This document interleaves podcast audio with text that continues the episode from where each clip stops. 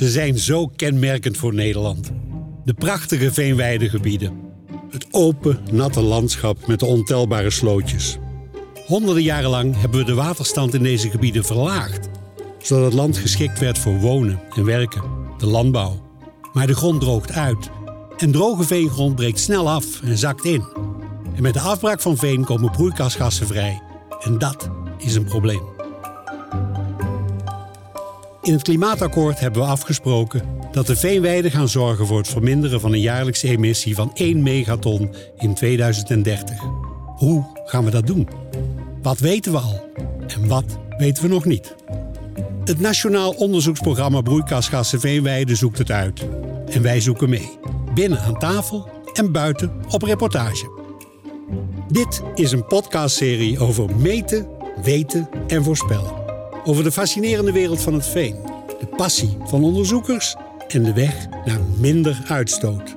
Dit is Studio Veenweide met Inge Diepman. Ja, warm welkom vanuit Zegveld, waar het Veenweide Innovatiecentrum ons weer eh, hartelijk heeft ontvangen met koffie en cake, zoals te doen gebruikelijk. Dank daarvoor. Aan onze mooie list door de tafel mag ik vandaag ontvangen Hanke Bruin-Slot. Hartelijk welkom, gedeputeerde van de provincie Utrecht, met in de portefeuille onder andere natuur, landbouw en bodem. En Poeimei Chan, uh, programmamanager van het NOBV. Welkom beiden. Het was geen straf hè, om hier vanochtend naartoe te rijden. Nee, zeker niet. Uh, prachtige zon. Uh, groene veenweiden, uh, verre uitzichten.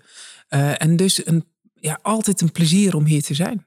Voor jou dan? Moet je mee? Nog steeds. Ik kom hier heel vaak. Het is ook een van onze proeflocaties, maar het blijft een, een cadeautje. Ja, dat zal voor Hanke Bruin Slot. Wat zeggen we eigenlijk, u of je?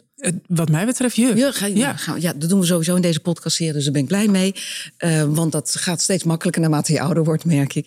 Uh, vorig jaar hebben jullie als uh, provincie een uitvoeringsprogramma Bodemdaling 2020-2023 opgesteld. Hè? Ook zo goedgekeurd. Dus uh, het is dus niet de eerste keer dat je hier in Zegveld bent. Helemaal bekend met de materie. Het Utrechtse veenweidegebied omvat circa, heb ik gelezen, 42.000 hectare veenweidegebied. Dat is bijna een derde van de provincie. Uh, dat is circa 14 procent van het totale Nederlandse areaal. En daarvan is dan 30.000 hectare bodemdaling gevoelig. Dat is allemaal correct, neem ik aan, wat ik tot nu toe zeg. Dus, prachtige cijfers die je moeiteloos oplepelt. Uh, het is correct. Ja, en hoeveel CO2-uitstoot is dat dan in dit gebied? Ligt dat gelijk aan wat we in Nederland zien? Het is ongeveer 7% van Nederland. Uh, en vooral als je hier buiten staat, en dat, dat zullen de Utrechters herkennen, is het gewoon prachtig cultuur, agrarisch cultuurlandschap dat de moeite waard is om te behouden. En daarom is het ook zo belangrijk om die bodemdaling te remmen om het, uh, dit gebied gewoon een goede toekomst uh, te geven. Ja, maar hoe groot is de opgave dan voor de bestuurder, Hanke Bruinslot? Want uh, het is geen, wat ik begrepen heb bij deze podcastserie, geen makkelijke opgave. Absoluut niet. Het is vooral ook een opgave waarbij het van belang is om met elkaar samen te werken. Ook draagvlak te hebben voor de maatregelen. En, en daarom ben ik ook zo blij met het Nationaal Onderzoeksprogramma kennis op te doen van wat de effecten van maatregelen zijn. En cruciaal vind ik altijd bij bodemdaling en het remmen daarvan is gewoon de kennis ook uit het gebied. Zo belangrijk is het om te weten hoe het gebied in elkaar zit. En dat weten eh, de bewoners van het gebied, eh, de boeren, andere mensen veel beter dan bestuurders. Ja, ik zag je onmiddellijk knikken, Poei mee. Ja, dat is ook de reden waarom wij in het programma juist op die locaties onderzoek doen. En we doen dat niet alleen maar vanuit universiteiten, vanuit de wetenschap, want dat is wat, wat, wat afstandelijk. Maar juist ook met die regionale verschillen. Daarom hebben we ook op verschillende plekken die onderzoeken. En proberen we ook daar meteen input in te leveren in de regionale veenweidestrategieën. Want uiteindelijk is het onderzoek, levert kennis op. Maar dat is maar één radartje in het geheel. En moet het in het gebied tot een uitkomst komen, tot maatregelen komen. Hoe, hoe is het om programmaleider te zijn van deze, uh, dit onderzoeksprogramma? Want je, je, bent geen onbekende in de wereld. Ik ken jou ook. Uh, ja. Omdat we elkaar regelmatig treffen. Bij bijvoorbeeld de waterschappen of bij STOA. Uh, je bent volgens mij ook programmaleider van Bouwen met Natuur. Klopt. Is dit ongeveer hetzelfde? Is dat anders? Nee, dit is heel anders. En uh, het is uh, ja, op dit moment wel het allerleukste en het meest uitdagende wat ik aan het doen ben. Waarom? Omdat het, het is zo maatschappelijk relevant. Ik geloof heel erg in feiten en wetenschap om dat als basis voor de bestuurders. Dus die wisselwerking tussen bestuur en wetenschap is heel belangrijk. En dat, dat doen wij hier. Er is eindelijk is er genoeg urgentie, is er genoeg uh, geld om uh, zo'n fundamenteel en ook toegepast onderzoek uh, uit te kunnen laten voeren. We hebben daar ook tijd voor gekregen, een periode van vijf jaar, om echt met gedegen kennis te komen. En, en iets ook waar de, waar de maatschappij, maar ook de politiek op zit te wachten. Want het is onderdeel van het klimaatakkoord. Zeker met zo'n IPCC-rapport wat afgelopen zomer uit is gekomen. De urgentie is gewoon heel hoog. Dus je bent heel maatschappelijk relevant bezig. En iedereen heeft is hongerig naar die kennis. ja, het enthousiasme valt mij enorm op in deze podcast. Iedereen die aan deze prachtige list door de tafel in Zegveld zit... of die ik tref in het veld, is zo ongelooflijk bevlogen. Dat geldt overigens ook voor de man die we nu even gaan horen. Want voor deze podcastserie hebben wij de 6M-cyclus gekozen als leidraad. Een aanpak die voor bodemdaling en uitstoot van broeikasgassen in veenweidegebieden is uitgewerkt door Gilles Erkens. Hij is expert bodemdaling bij onderzoeksinstituut Deltares en de Universiteit van Utrecht. Het zijn de zes M's van meten, mechanistisch begrip, modelleren, maatschappelijke kostenbatenanalyses, maatregelen en monitoren. En in deze editie draait het dus om. De M van maatregelen. Het nemen van maatregelen tegen bodemdaling en broeikasgasuitstoot kan eigenlijk onderverdeeld worden in twee verschillende strategieën. Een adaptatiestrategie, waarbij je niks doet aan het proces zelf, maar waar je je wel aanpast aan wat er gebeurt. En een mitigatiestrategie, waarbij je de daadwerkelijke oorzaak ook probeert aan te pakken. En in de hele wereld zien we verschillende opties hiervan. Sommige landen zetten heel erg in op adaptatie. Bijvoorbeeld New Orleans, die enorme dijksystemen bouwt, maar eigenlijk ook Nederland. We hebben al duizend jaar te maken met adaptatie hier in Nederland. Al duizend jaar laten die bodemdaling en broeikasgasuitstoot gebeuren, maar passen we op onze andere manieren aan door dijken te bouwen. Er zijn ook gebieden in de wereld die juist voor mitigatie kiezen. En dat zijn nu inspirerende voorbeelden voor ons.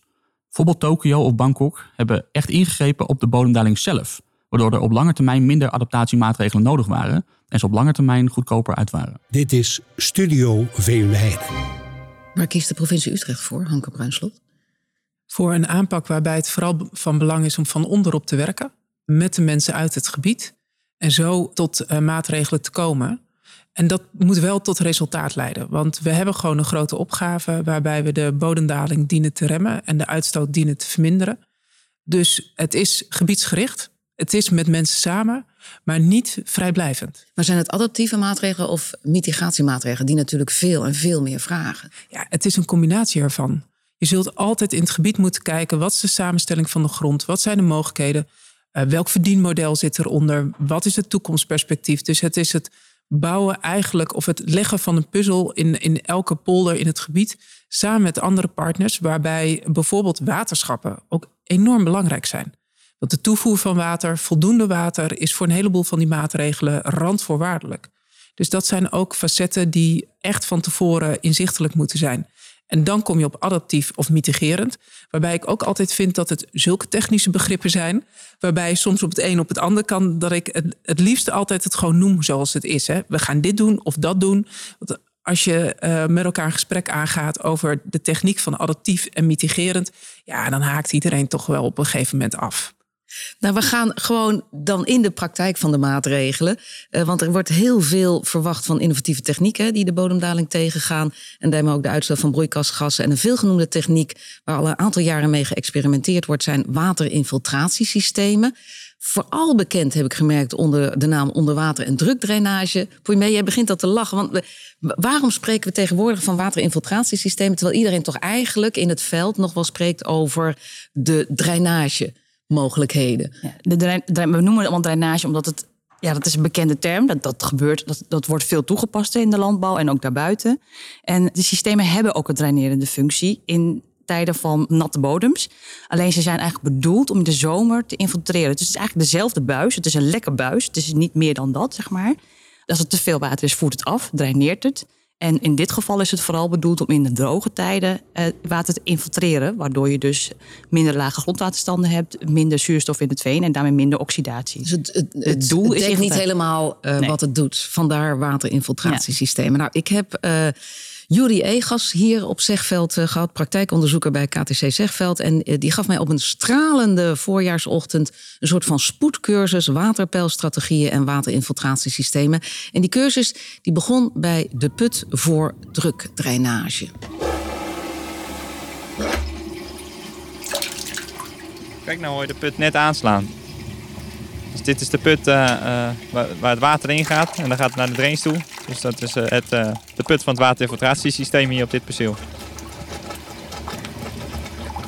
Het water gaat het perceel in. Normaal gaat het vanuit de sloot heel slecht het perceel omdat het veen heel slecht water doorlaat. en doordat wij eigenlijk buizen in het perceel hebben liggen, en die aangesloten zijn op deze put, kunnen we het zo water een beetje helpen het perceel in te gaan. Ja, want hoeveel buizen liggen er hier onder de grond?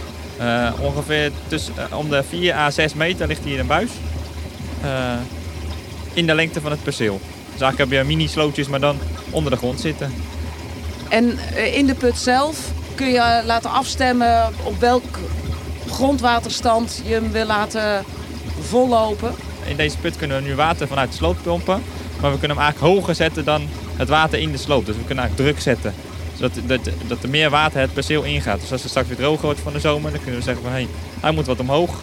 Uh, en wordt het weer wat natter of gaat het veel regenen, dan kunnen we zeggen, hey, doen we weer wat lager. Of dan pompen we minder in. Of we pompen helemaal niks in. Want de sloot heeft een beetje hulp nodig, omdat veen moeilijk doordringbaar is. Ja, en de sloot kan je maar tot een bepaald niveau opzetten natuurlijk, want anders loopt het de sloot uit. En in die put kunnen we dus zelfs boven het land, boven het maaiveld, kunnen we nog het water opzetten. Ja, en hij slaat vanzelf af, want ik weet niet op welke stand hij nu eh, is ingesteld. Ja, hij slaat vanzelf als het goed is weer af. Er zit een vlotter in. Dus als hij het niveau heeft bereikt waar hij op ingesteld is, dan slaat hij weer af. En dan zakt hij rustig uit tot hij weer te laag komt en dan staat hij weer aan.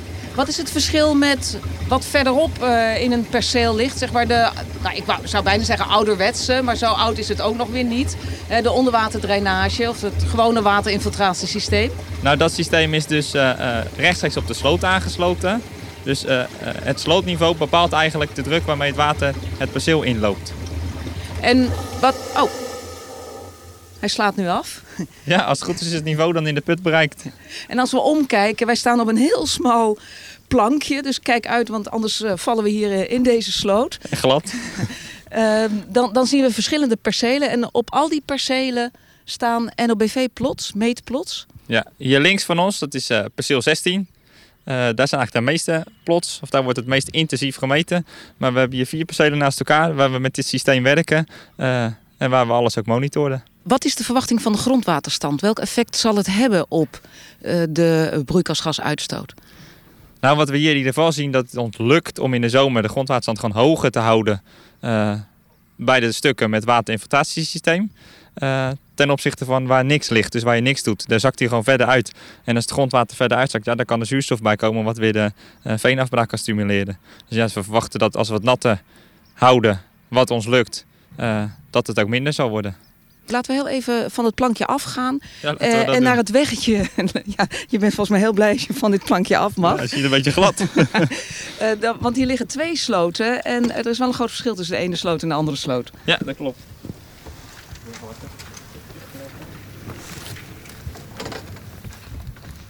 Kun je even kijken wat het slootwaterpeil hier is?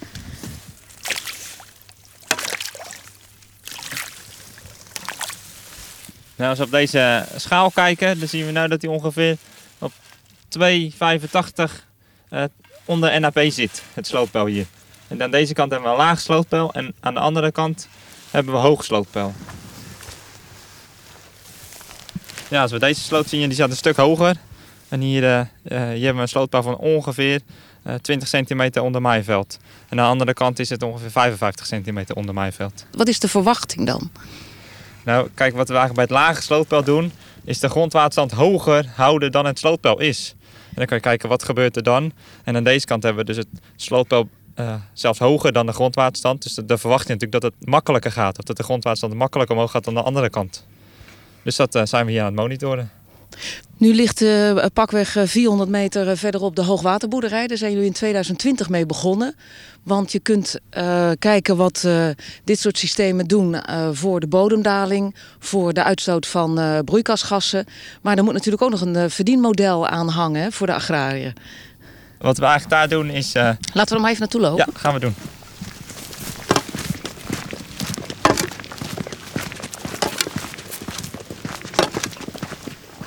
De hoogwaterboerderij gaan we eigenlijk nog een stap verder dan de percelen waar we net stonden. Uh, want daar gaan we de sturen op een grondwaterstand van 20 centimeter onder maaiveld. En dat is natuurlijk best wel hoog. hoger dan we gewend zijn. En dan is het natuurlijk spannend, wat gebeurt er? Wat gebeurt er met je land, met je gras? En dan uiteindelijk, wat kan die koe er dan nog mee? En wat kan je eraan verdienen? We passeren weer zo'n mooi meetplot van de NOBV. Op welk grondwaterstand, welk perceel staat deze? Ja, dit is dus perceel 16. Dus hier wordt uh, heel intensief gemeten in al die vakken die helemaal afgezet zijn met hekken. Uh, het eerste stukje de, houden we dus de grondwaterstand op zo'n 40 centimeter onder maaiveld. En het tweede vak wat je achterin ziet, daar doen we eigenlijk niks. Dus daar zakt het gewoon zo ver weg als dat het wegzakt in de zomer. En hoe lang staan deze plotsen nu? Deze zijn vorig jaar aangelegd, dus in 2020. En wanneer weten we dan wat? dat is uh, een aantal jaren zeker meten. Elk jaar is weer anders. Dus we hebben vorig jaar een droog jaar gehad. Dit jaar tot nu toe hebben we steeds regen, dus het kan zomaar een nat jaar zijn. Nou ja, dan heb je volgend jaar weer een ander jaar. En ja, als je dan vijf jaar verder bent, dan kan je misschien een eerste inschatting maken van hoe goed zo'n maatregel nou werkt.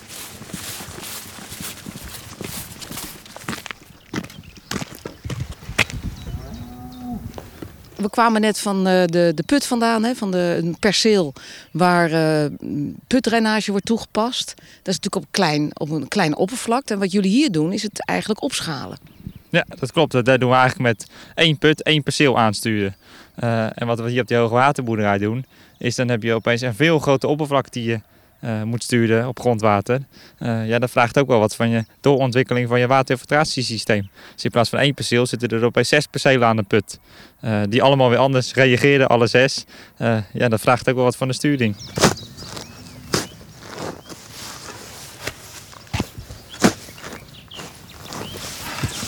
Kijk, wat je hier ziet is dat, wat ik nu in mijn handen heb. Dus ik heb nu de, de bovenste 15 centimeter in mijn handen. Dus eigenlijk de grasmat. Ja, die wordt natuurlijk steeds belangrijker. Uh, want je kan je voorstellen, als jij een grondwaterstand van min 20 gaat hanteren, dan uh, wordt die bodem daaronder ook steeds weker of natter. Uh, en dan moet je het hebben van die bovenlaag om überhaupt nog op dat land te kunnen komen. Want als je hier doorheen zakt, of je zou deze toplaag over een paar jaar verwijderen, ja, dan betekent dat je net als veld misschien in één keer wel helemaal wegzakt. Dit is een van de percelen die het langst al hoogwater is. We gaan nou eigenlijk het derde seizoen in dat we hier uh, hoog water hanteren. En je ziet het eigenlijk al, of je voelt het eigenlijk al. Kijk, we zitten nu op, uh, wat is het? 15 centimeter. En die grond is al heel vochtig. Maar als we hier gewoon door het land zelf lopen, ja, dat zou je bijna met je sokken kunnen doen. Zo droog is toch uh, het toplaagje. Of Zijn het op min 20? Hoogstwaarschijnlijk dus het grondwaterpeil staat nu. Ja, dat klopt. Maar je ziet, je merkt, je zakt helemaal niet weg. Je hebt er eigenlijk helemaal geen last van. Uh, en die bodem is heel vochtig en heel compact. Kijk maar hoe, hoe stevig eigenlijk dit blok is. Waarom min 20? Nou, die min 20, dat, uh, uh, dat komt uit de literatuur. Of uit de literatuur blijkt dat min 20 wel eens het optimum kan zijn uh, voor broeikasgasuitstoot. Dus dat daar het minste broeikasgassen uit het veen komen. Nou, en dat probeerden we op de hoogwaterboerder eigenlijk uit. Dus wat is dat echt zo als we op min 20 gaan zitten? Hebben we dan de minste uitstoot?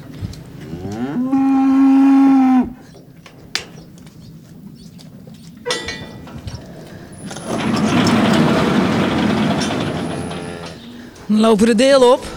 Ja, hier lopen we de hoogwaterboerderij binnen. Je ziet hier, de koeien zijn allemaal te wachten nu uh, om naar buiten te mogen. Ik zie uh, twee soorten. De Holsteiner, hè, de Friese Holsteiner. En wat is dat bruine koetje daartussen? Die is een stuk kleiner. Ja, dat zijn de, uh, de Jerseys. Dat is een, een, een andere koeienras. Die inderdaad een stuk kleiner is. Onze kleinste Jersey is zo'n beetje, uh, of weegt de helft van onze grootste Holstein. Is dat een oplossing? Nou, dat is natuurlijk wel interessant als jij uh, je grondwaterstand omhoog gaat zetten. waarbij de verwachting is dat de draagkracht minder wordt. Om te kijken, nou, wat doet het nou beter? Is dat nou zo'n grote koel die daar loopt of juist zo'n kleine koel? Dus welk type koel past daar nou het beste bij? En dat is de reden dat wij onderscheid maken in verschillende koeienrassen binnen, binnen de hoogwaterboerderij.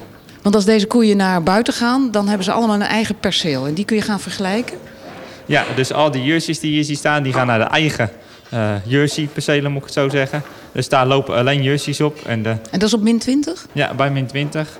Uh, maar die zwarte bonte, de, de Holstein, zeg maar, die hebben ook hoogwaterpercelen. Uh, maar die hebben wel weer de eigen percelen. Dus als je vijf jaar verder bent, dan kan je zien van... hé, hey, hoe zien die percelen er na vijf jaar uit uh, met bewijding door jerseys of met Holstein? Zie je verschil in vertrapping uh, of niet? Of, uh, nou, zulke soort factoren kan je allemaal gaan bekijken.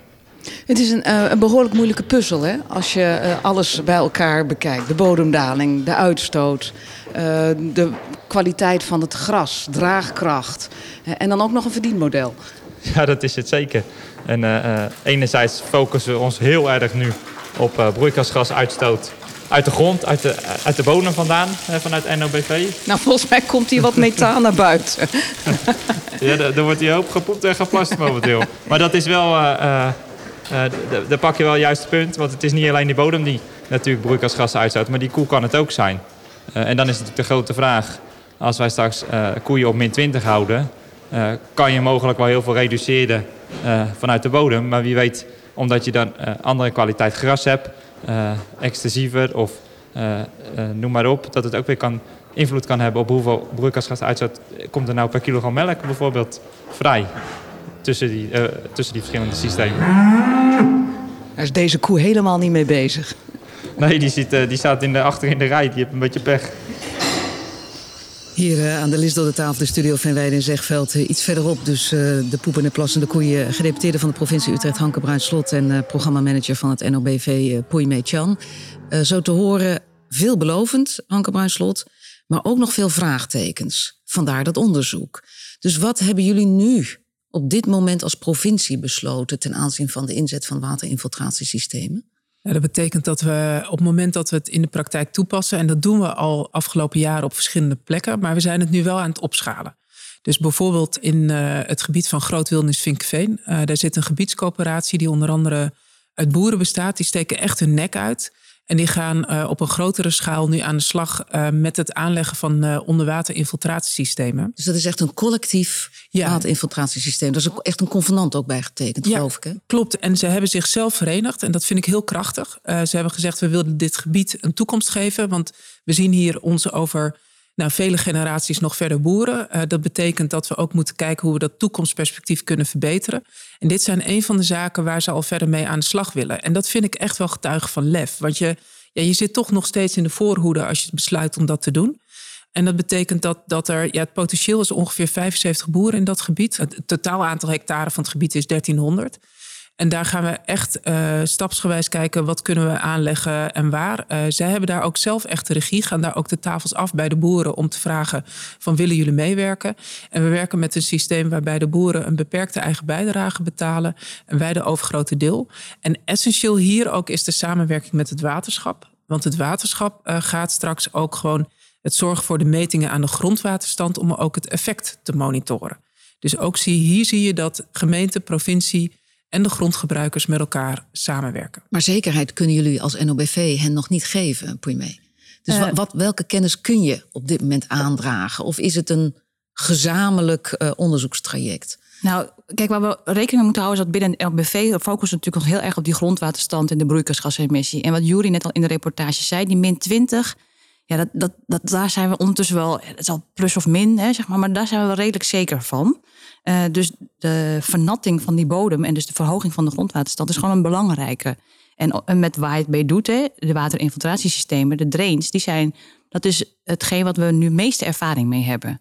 He, want uh, het is, uh, op sommige plekken in Utrecht ligt het gewoon al 15 jaar, dus het ligt er al wat langer. En daar doen we ook onderzoek naar, van wat het effect is op langere termijn. Er zijn ook al heel wat discussies over uitgevochten, zou ik bijna zeggen. Want je hebt er ook die zeggen van het heeft naar ons idee te weinig uh, zin. Dus wat, eerst even, uh, Hanke wat doe je als provinciale bestuurder met die discussie? Het hoort erbij dat als je nieuwe ontwikkelingen hebt, dat mensen daar met verschillende perspectieven naar kijken. Dat is altijd zo. En daarom is het ook van belang om die kennis die opgedaan wordt in het NOBV langjarig uit te voeren. Omdat dat ook meer zekerheid geeft over de resultaten. En ik hoop en verwacht daarmee ook dat de discussie die eh, soms een beetje de vorm krijgt van scholen, uiteindelijk ook onderbouwd wordt door langjarige metingen die ons gewoon inzicht geven in de effecten van de maatregelen.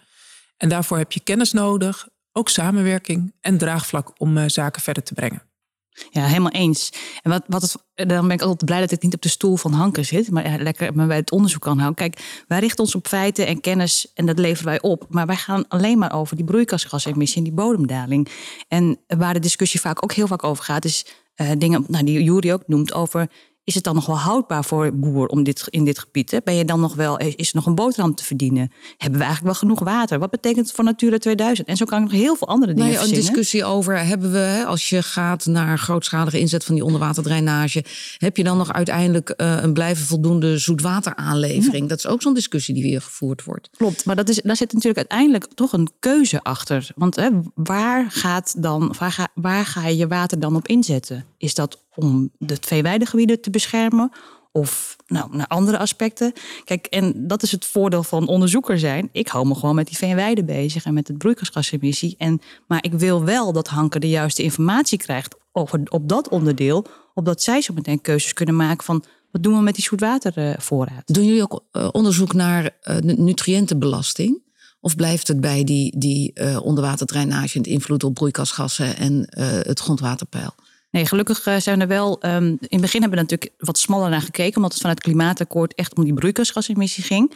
Maar we hebben ook uit- uitgebreid geïnventariseerd van ja, we kunnen daar wel blind op staren. We weten natuurlijk dat er allemaal vragen komen over andere aspecten. Eh, nou, eh, je noemt zelf nutriëntenbelasting bijvoorbeeld, die nemen we zeker mee. Zij het wat minder fundamenteel dan de broeikasgasemissie en de bodemdaling. Ja, en in die zin is het ook heel prettig dat landelijk is er een eh, regiegroep die ook eh, nauw betrokken is bij het onderzoek dat NOBV doet. Daar zijn eigenlijk alle maatschappelijke partijen betrokken. Dus de natuurorganisaties, eh, LTO bijvoorbeeld, maar ook de gemeenten, provincies en dergelijke. En dat maakt ook dat het onderzoek wat vanuit het NOBV wordt gedaan en de resultaten en de richting daarvan ook steeds terugkomt in die maatschappelijke regiegroep. Waarbij dit soort vragen eigenlijk die jij ook stelt. Hè, we kunnen wel op één ding focussen, maar we moeten ook zicht hebben op het verdienvermogen voor boeren, want dat is cruciaal. En op de uitstoot van de andere zaken. Dat dit soort zaken ook onder de aandacht komen en ook andere onderzoeken verder worden uitgevoerd. En zo is er ook volgens mij vorig jaar door jullie ook een onderzoek uitgevoerd, een soort inventarisatie. Waar zijn nou eigenlijk de witte vlekken op dit moment? Ja, en, en een van de onderwerpen daarbij is, is dat het gewoon ook komende jaren heel belangrijk is om naar dat verdienvermogen van de boer verder te gaan kijken. Want als je rood staat, kan je niet groen doen. Dus het moet uiteindelijk ook op dat boerenerf goed bijdragen aan een structurele en ook stevige bedrijfsvoering.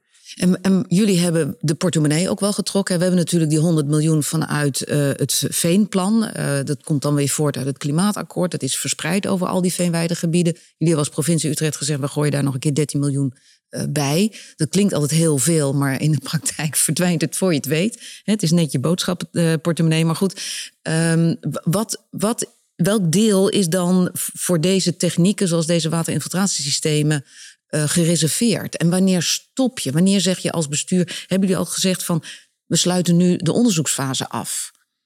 Ehm, belangrijk daarin is eh, de regionale veenweidestrategie die we aan het opstellen zijn. Omdat de regionale veenweidestrategie is eigenlijk het beleidsmatige document om de komende jaren richting te geven aan het beleid.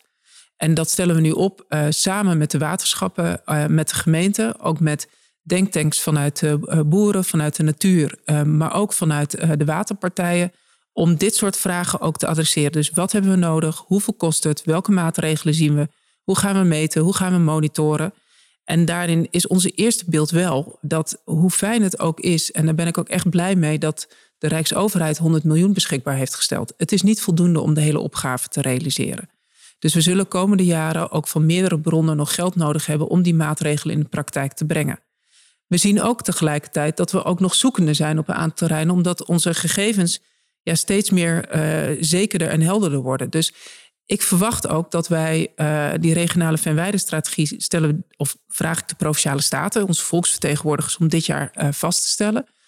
Maar onlosmakelijk zal het zijn dat we in 2024 een nieuwe versie moeten maken, omdat komende jaren gewoon heel veel informatie uit onderzoeken bekend wordt. Er ook verder richting wordt gegeven. Er samenloop is met andere opgaven. Dus we, we zullen gewoon adaptief moeten sturen. Dus we hadden het zo net over adaptief en mitigerend. Nou, hier is adaptief cruciaal. Maar je verwacht wel dat die waterinfiltratiesystemen een belangrijke rol gaan spelen. Ja, omdat tot nu toe in ieder geval de resultaten positief uh, zijn geweest en ook een belangrijke bijdrage kunnen leveren. Alleen het zal niet het enige zijn. Uh, er zullen echt ook nog andere maatregelen, uh, andere zaken nodig zijn om de opgave met elkaar te kunnen realiseren. Ja, want mag je zeggen, mee, dat waterdrainage uh, een maatregel is voor de korte termijn, zeg maar voor het realiseren van uh, het doel die 1 megaton CO2 per jaar is in 2030.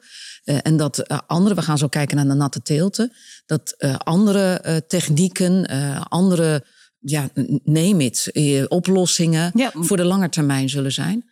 Ja, nou, als het gaat om de fase over kennis en onderzoek, dan weten we gewoon op dit moment veel meer over die waterinfiltratiesystemen. Daar zijn we gewoon langer mee bezig. We volgen het. We zijn, er zijn veel onderzoeken waar we aan kunnen meten. Dus daar weten we het meest van af. En daar hebben we de minste onzekerheden, om het maar even zo te zeggen. Laat onverlet dat daar ook nog heel veel onzekerheden zitten hoor. Want we noemen, ik noemde net die min 20, hangt helemaal vanaf waar je in Nederland zit. Het is in het uh, uh, westelijke Veenweidgebied, hè, in het Groene Hart, is het echt anders dan in Friesland of in de Kop van Overijssel. Er zitten echt heel veel verschillen. Maakt het uit of je dicht. En binnen Utrecht zelf al zitten er veel verschillen. Dus dat is denk ik wel goed om. Uh, maar, maar met die nuance weten we wel het meest op dit moment van de waterinfiltratiesystemen. En bijvoorbeeld natte teelten, wat je bijvoorbeeld net noemt, daar weten we gewoon veel minder van af. Dus ik zou, hè, en dan, dan wil ik niet op de stoel van Hanker zitten, maar ik zou het bijzonder lastig vinden om op korte termijn daarover iets van beleid of een politieke keuze te maken. Want we weten het eigenlijk gewoon nog niet goed genoeg. Dus daar is gewoon echt meer onderzoek voor nodig. Dit is Studio Veenweide. Ja, wat is dan de potentie van die natte teelten in veenweidegebieden als bijdrage aan het verminderen van de uitstoot van broeikasgassen? Nou, ook daar wordt de laatste jaren dus kennis over vergaard. Kennis over het teelten van wilg, olifantsgras, veenmos, riet, pijlkruid, wilde rijst, en natuurlijk Lisdodde. En op verschillende locaties in veenweidegebieden wordt daarmee geëxperimenteerd. Er wordt gekeken of er een verdienmodel voor de boer uit te halen valt, hoe de teelt moet worden toegepast. En het NOBV meet de uitstoot van broeikasgassen van een Lisdoddeveld.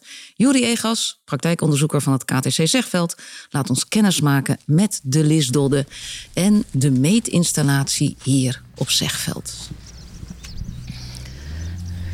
Nou, dit is hem, hè? Ja, dit is de mast uh, waar het NOBV de broeikasgasuitstoot van uh, dit Listoldeveld meet. Het staat midden in een Listoldeveld. Hoe groot is het ongeveer? Dit Listoldeveld is zo'n uh, halve hectare. En die mast staat op deze plek. Juist omdat we over het algemeen zuidwestenwind hebben hier. Dus dan komt de wind daar vandaan. En dan pakt hij eigenlijk al die uitstoot uit dit veld, komt zo richting die mast. En die mast die meet precies wat er nou in die lucht zit hier. Het zijn buizen en witte kastjes. Ja, dat klopt. Het is, uh, het is een stellage met allemaal sensoren eraan. Uh, je ziet de witte kastjes daar zitten. Met die ribbels? Uh, ja, met die ribbels.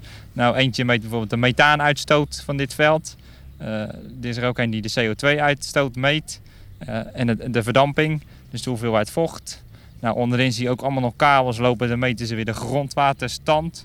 Dus hoe ver, wat is het waterniveau eigenlijk in dit, in dit Lisseldeveld? Uh, bovenop wordt gemeten waar de wind vandaan komt, windrichting, uh, windsnelheid. Om allemaal weer te kunnen kijken, nou wat, wat is die uitstoot geweest in dit Listeldeveld? Nou, hij is wel wat hoger dan een uh, Lisdodde, de, de, grote Lisdodde. Als die tot bloei komt hè, en die mooie sigaar laat zien. Uh, hij is denk ik een meter of drie hoog. Hoe de mast zo is ingericht is dat de sensoren met de plant mee omhoog gezet worden. dus straks gaat die plant gaat groeien. die listel die wordt wel twee meter hoog.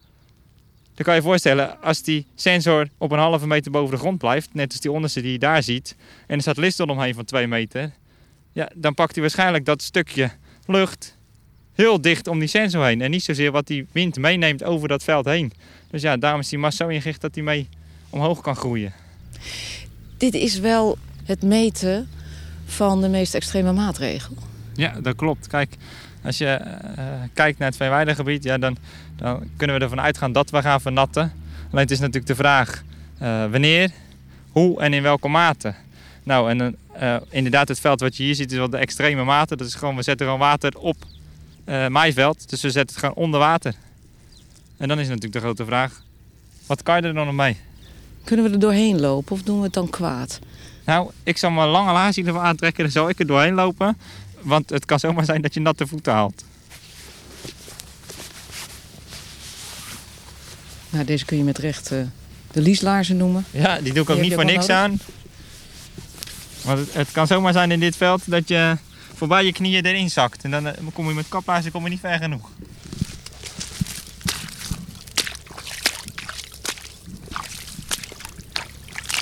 Kijk, zie je dit goed als ik er doorheen loop? Ja, je zakt weg. Ja, dat is één. En wat zie je nog meer gebeuren? Je ziet belletjes. Ja, je ziet heel veel belletjes. Dat zijn eigenlijk allemaal gassen die uit die, eh, uit die veenbodem komen, die vernatte veenbodem. En dan is natuurlijk de grote vraag, wat zit er in die belletjes? Is, zit daar methaan bij of zit daar geen methaan bij? Nou, en dat wordt allemaal door die mast die hiernaast staat, door die toren, wordt dat gemeten. Dus die kan inderdaad ook zien als wij het hele veld hier doorlopen of we, zijn, we hebben activiteiten in dat veld, dat die dan andere dingen meet dan dat we bijvoorbeeld niet door dat veld lopen.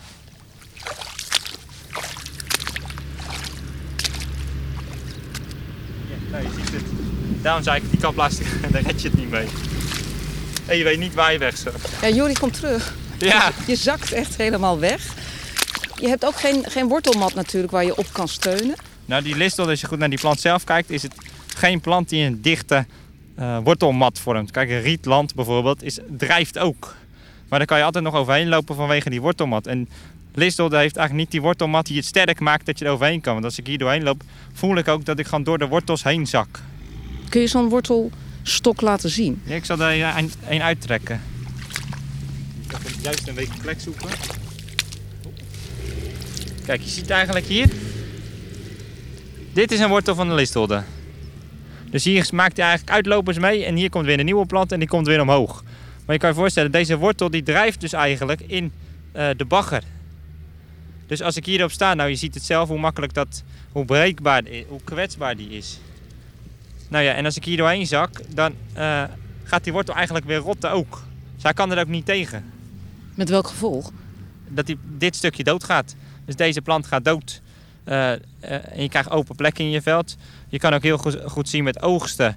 eh, waar de oogstmachine heeft gereden. Precies de- op die plekken komt hij gewoon niet gelijk weer terug. Dus dan moeten we helemaal opnieuw gaan groeien. Kijk, zo'n natte teelt is een oplossing. Hè, terwijl dat wordt onderzocht of een natte teelt oplossing is. Maar dan kom je gaandeweg allerlei problemen tegen. Nou, het interessante van dit veld is, is eh, doordat we het onder water zetten, zie je eigenlijk meerdere dingen gebeuren. De ene is dat de bodem verweekt, dus je zakt er in één keer doorheen. Je, je, je hebt geen draagkracht meer. Maar aan de andere kant zie je ook dat die bodem eh, bijna gaat drijven zelfs. Doordat die helemaal opzwelt, als het ware, door het water. Omdat die altijd onder water staat.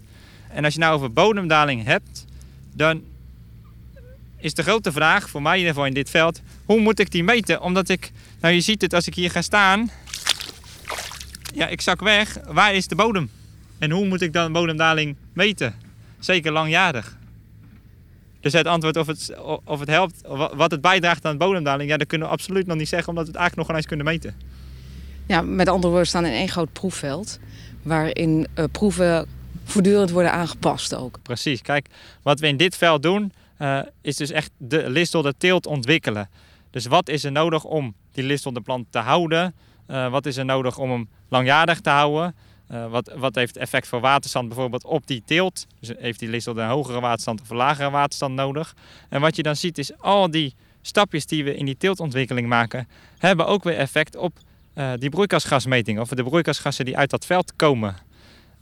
Als ik bijvoorbeeld hier het water aflaat, hè, om bijvoorbeeld te oogsten, zien we dat dat effect heeft op die broeikasgassen, dat die veranderen.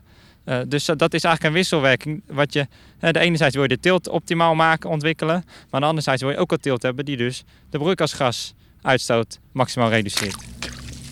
Ja, Juri Egas, die, die ons ook nog even wijst op... Ja, mooi hè? De Grutto's Hankebruinslot. Ehm je had het zo net ook over... we moeten absoluut ook de komende jaren heel goed kijken... naar dat verdienmodel van de agrarische ondernemer. Als je nu kijkt naar deze natte teelt... wat is dan voor jullie als provincie uitgangspunt? Is dat dan het reduceren van broeikasgassen... die opgave waar we aan moeten voldoen... of dat verdienmodel? Het is en en, want het een kan niet zonder het ander. Dus het uitgangspunt is dat we met elkaar met het klimaatakkoord een opdracht hebben gekregen eh, en ook een noodzaak. Ik bedoel, kijk maar om je heen om eh, de uitstoot van CO2 te verminderen. Eh, natte tilde is daar inderdaad één van de voorstellen om dat te doen. Nou, dat onderzoek dat moet langjarig nog doorlopen. Alleen als je op een gegeven moment weet hoe je het zo moet telen en wat het effect ervan is, ook op de bodemdaling en op de uitstoot, ja, dan is vraag 2 even essentieel. Is er iemand die het wil gaan verbouwen? En daarvoor is het niet alleen dat de boer het goed van het land af kan halen, maar er moet ook een hele keten zijn. We zitten hier mooi aan een listdoddertafel. Maar als je listdodder verbouwt, dan moet het daarna ook in een keten terechtkomen van fabrikanten die zeggen, nou ja, ik ga meerdere van dit soort tafels bouwen of andere toepassingen hebben. Dus daar zou eigenlijk daarnaast nog, als je de feiten hebt over het verbouwen, moet je daarnaast ook de feiten gaan opbouwen. Kan je dit toepassingsgericht ook in een keten wegzetten, waardoor uiteindelijk het ook rendement oplevert om een bedrijf gewoon te kunnen draaien. Dus het is en, en. Want we zijn al een tijdje bezig hè, met, met deze natte teelten uh, op kleine schaal. Als ik nu naar buiten kijk, Juri Egas heeft me dat ook laten zien, heeft me even in laten lopen. Het is een sauna meestal binnenin, want het is veel glas. Maar dan kijk ik uit op een klein huisje dat ook de pers gehaald heeft. Het natte teeltenhuisje werd het eh, genoemd, gemaakt van Lisdode en ik meen Els. Els, ja. mee. Dat bewijst dat je het als bouwmateriaal kunt gebruiken. Ik meen ook dat er een aannemer is die het eh, ergens in het oosten van het land al een keer heeft gebruikt. Dus die isolatieplaten. met allemaal kleine, kleine, kleine schaal hoe ver zijn we? Uh, want als ik Jori hoor over die natte teelt, dan denk ik wel, poeh, er zijn ook nog wel heel veel onzekerheden. Ja, die zijn er ook. En dat is eh, heel fundamenteel op het broeikasgasbodemdaling is al een spannende. Want dat heeft hij duidelijk uiteengezet. En dat geldt ook voor heel veel andere teelten ook nog, hè, die we aan het proberen zijn. Cranberries bijvoorbeeld is ook zo'n voorbeeld. En eh, we weten gewoon niet of het goed kan groeien en of het goed kan oogsten. Dus het, alleen dat al is de fundamentele vraag, of de onderligger, het fundament, voordat je kunt nadenken over überhaupt toepassingen en gebruik. En dan wil je niet weten wat voor vragen daar op je afkomen. Want zo'n eh, huisje en ook deze tafel, dat is gewoon handwerk. Dat zijn gewoon uh, mensen die gewoon uh, uitvinders die ermee aan de slag gaan. Er is nog geen fabriek die platen maakt is hartstikke uh, mooi. Ja, ik, Snap, ik snap, dat snap ik eerlijk gezegd niet. En, en, en zeker als je naar, hè, dat is dan dat zit niet in ons scope van het onderzoek, maar dat het verdienmodel is een hele belangrijke als het gaat om teelten. Kijk, bij, bij uh, andere bedrijfs, bij, bij drainage heb je in principe houd je een melkveehouderij. Weliswaar aangepast, maar het is een aangepaste melkveehouderij. Als je als boer over gaat stappen op een andere teelt, en uh, nou ja, dat is zeker dit gebied, zeker de melkveehouderij, dat zijn al dat zijn zes, vijf, zes, zeven, zevende generatie boeren. Het is heel lastig om niet te vragen, nou doe maar voortaan uh, cranberries en listdodden. Nog, uh, nog los van de onzekerheden die we nu net noemden. Wat is dan de begeleiding vanuit de provincie Utrecht voor uh, boeren die een stap durven te zetten? Want die onzekerheid, die moet je dus meenemen. Het kan dus zijn dat je over een jaar of twee jaar of drie jaar zegt... ja, was leuk, Liesdodde. Maar we redden het er niet mee en er is geen verdienmodel te vinden. Ja, en, daarvoor geldt allereerst dat je die, die kennis moet opbouwen. En daarom ben ik ook heel blij uh, met Zegveld en ook uh, de hoogwaterboerderij. En daarnaast is het ook van belang dat als die kennis er is, dat je die ook verder meer ook in onderwijsachtige studiegroepen verder brengt tussen boeren onderling. En dat, dat gebeurt al op Veenweide infiltratiesysteem. Is ook een, een poot die nu naast ook het NOBV is gezet om die meer te gaan doen uh, na die, aan die kennisverspreiding. En kennis. Ja, want het is niet alleen kennis van zo'n waterinfiltratiesysteem, het is ook kennis van hoe je dat inpast in je, in je bedrijfsmodel. Hè? Ja, en, en het, het over en weer uh, met elkaar delen van uh, hoe werkt dat op mijn bedrijf. En degene die dat beste kunnen doen, is de, zijn de boeren gewoon onderling om met elkaar te kijken en met elkaar te praten. Ik bedoel, dat moet ik als bestuurder vooral niet proberen om daar op aan te sluiten. Ik ben geen boer, ik ben een bestuurder. Ik heb wel een opdracht samen met het Rijk, maar ook samen met de andere provincies, om in ieder geval uh, te zorgen dat de randvoorwaarden op orde komen. Dus dat, het, dat we kunnen stimuleren dat onderzoek gedaan kan worden. Kijken of we kunnen bijdragen aan die studiegroepen, maar ook kunnen bijdragen aan ketens en dergelijke. Maar het zal uiteindelijk, als het gaat om de cranberry teelt en de lustdodder, ja, het, de markt zal het uiteindelijk moeten oppakken als een, als een verdienmodel. En dat, dat betekent. Maar kunnen jullie als provincie katalysator daarin zijn? Ja, doordat we dingen subsidiëren, uh, zaken mogelijk maken uh, en dat soort zaken. Maar we kunnen het nooit uh, helemaal faciliteren. Daarvoor zijn we echt met elkaar afhankelijk van een heleboel partijen. En deze ontwikkeling zit gewoon veel meer in een beginstadium dan de veenweide infiltratiesystemen.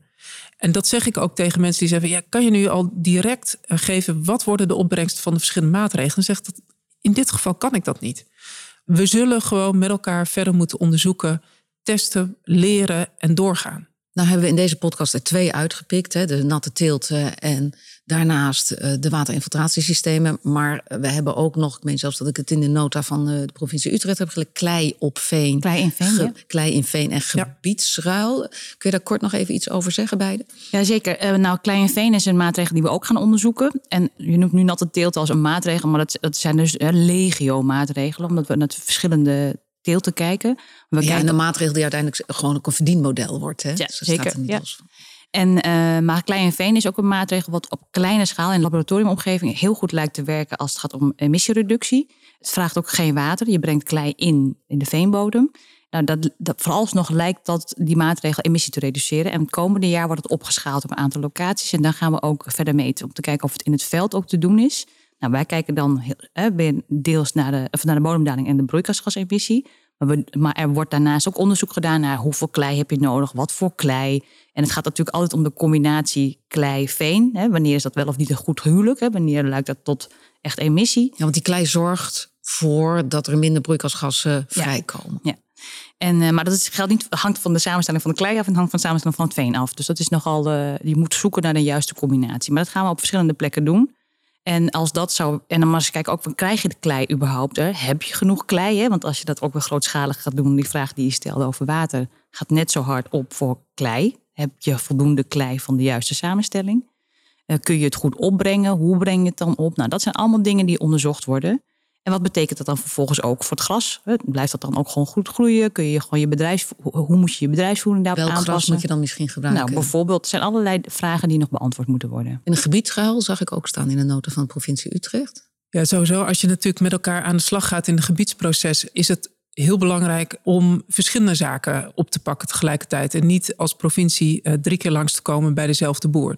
Dus wat we ook wel in uh, regionale veenweidestrategieën met elkaar het gesprek over voeren, is dat je uh, de locomotief is het remmen van de bodemdaling en het verminderen van de CO2-uitstoot. Maar we zullen ook zeker moeten kijken, wat kunnen we nog verder in het gebied doen om dat toekomstperspectief nog beter te maken. En een van de zaken daarbij is ook kijken naar kavelruil.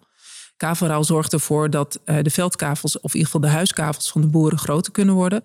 Waardoor ze weer makkelijker kunnen weiden, minder hoeven te rijden met hun tractoren van het ene naar het andere veld. En dat is ook al een vermindering van CO2-uitstoot. Maar dat zijn vooral, ja, dat klinkt in vreselijk, of vreselijk, nou ja, echt jargon, meekoppelkansen. Ik hou me aanbevolen voor een ander woord daarvoor.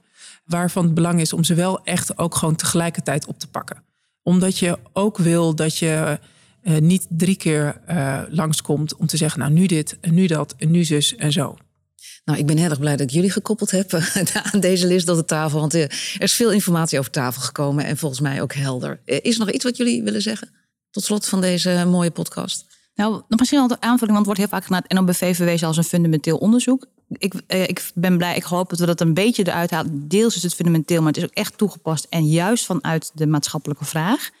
En um, uh, het is altijd heel lastig om als, als onderzoeker wil je altijd meer weten. Uh, dus ik hoop niet dat de zweem blijft hangen van we weten nog niks, we kunnen niks. We kunnen wel degelijk wat.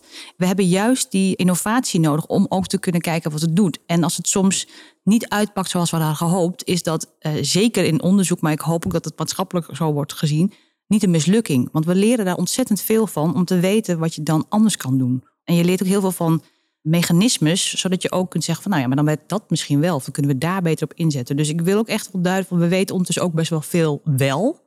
Alleen, uh, ja, nou ja, we hebben ook nog wel wat tijd nodig om wat andere vragen te beantwoorden. Er is geen spel tussen te krijgen, alhoewel de bestuurder altijd roept. En, en nu moet ik beslissen. Allereerst is um, het Veenweide-gebied is uniek voor Nederland. En het is het zo waardevol om dat te behouden. En dus ook werk te maken van het remmen van die bodemdaling en de CO2-uitstoot te verminderen. En dat doel, dat is heel van, van belang om met elkaar gewoon echt centraal te stellen. Want dat bindt elkaar. En daar dan zijn drie zaken echt cruciaal. Dat is de kennis vanuit de onderzoeken, ook toepassingsgericht. Eh, de gebiedskennis, het willen samenwerken met elkaar. En het zorgen dat je ook uh, draagvlak met elkaar hebt om maatregelen te nemen. Want het is geen eenvoudige opdracht. En het zou af en toe ook nog echt spannend zijn om het in de praktijk te gaan realiseren. En daarvoor heb je elkaar gewoon nodig. En daarom ben ik ook blij dat we zo samenwerken met het STOA en het NOBV om in ieder geval het fundament van die samenwerking heel goed te krijgen. Hanke Bruinslot, gedeputeerde van de provincie Utrecht. Hartelijk dank voor je komst naar uh, onze Lisdelde tafel hier in KTC Zegveld. Mij, Jan, uh, fijn dat je ook een keer aanschoof als programmaleider van het NOBV. Dank voor alle informatie. Dit was aflevering 5 van Studio Veenweide. Misschien wel leuk om te vertellen dat ingenieur Jan van den Akker tekent voor het college over maatregelen in onze serie Studio Veenweide. De verdiepingen, de serie voor mensen die nog wat meer willen weten.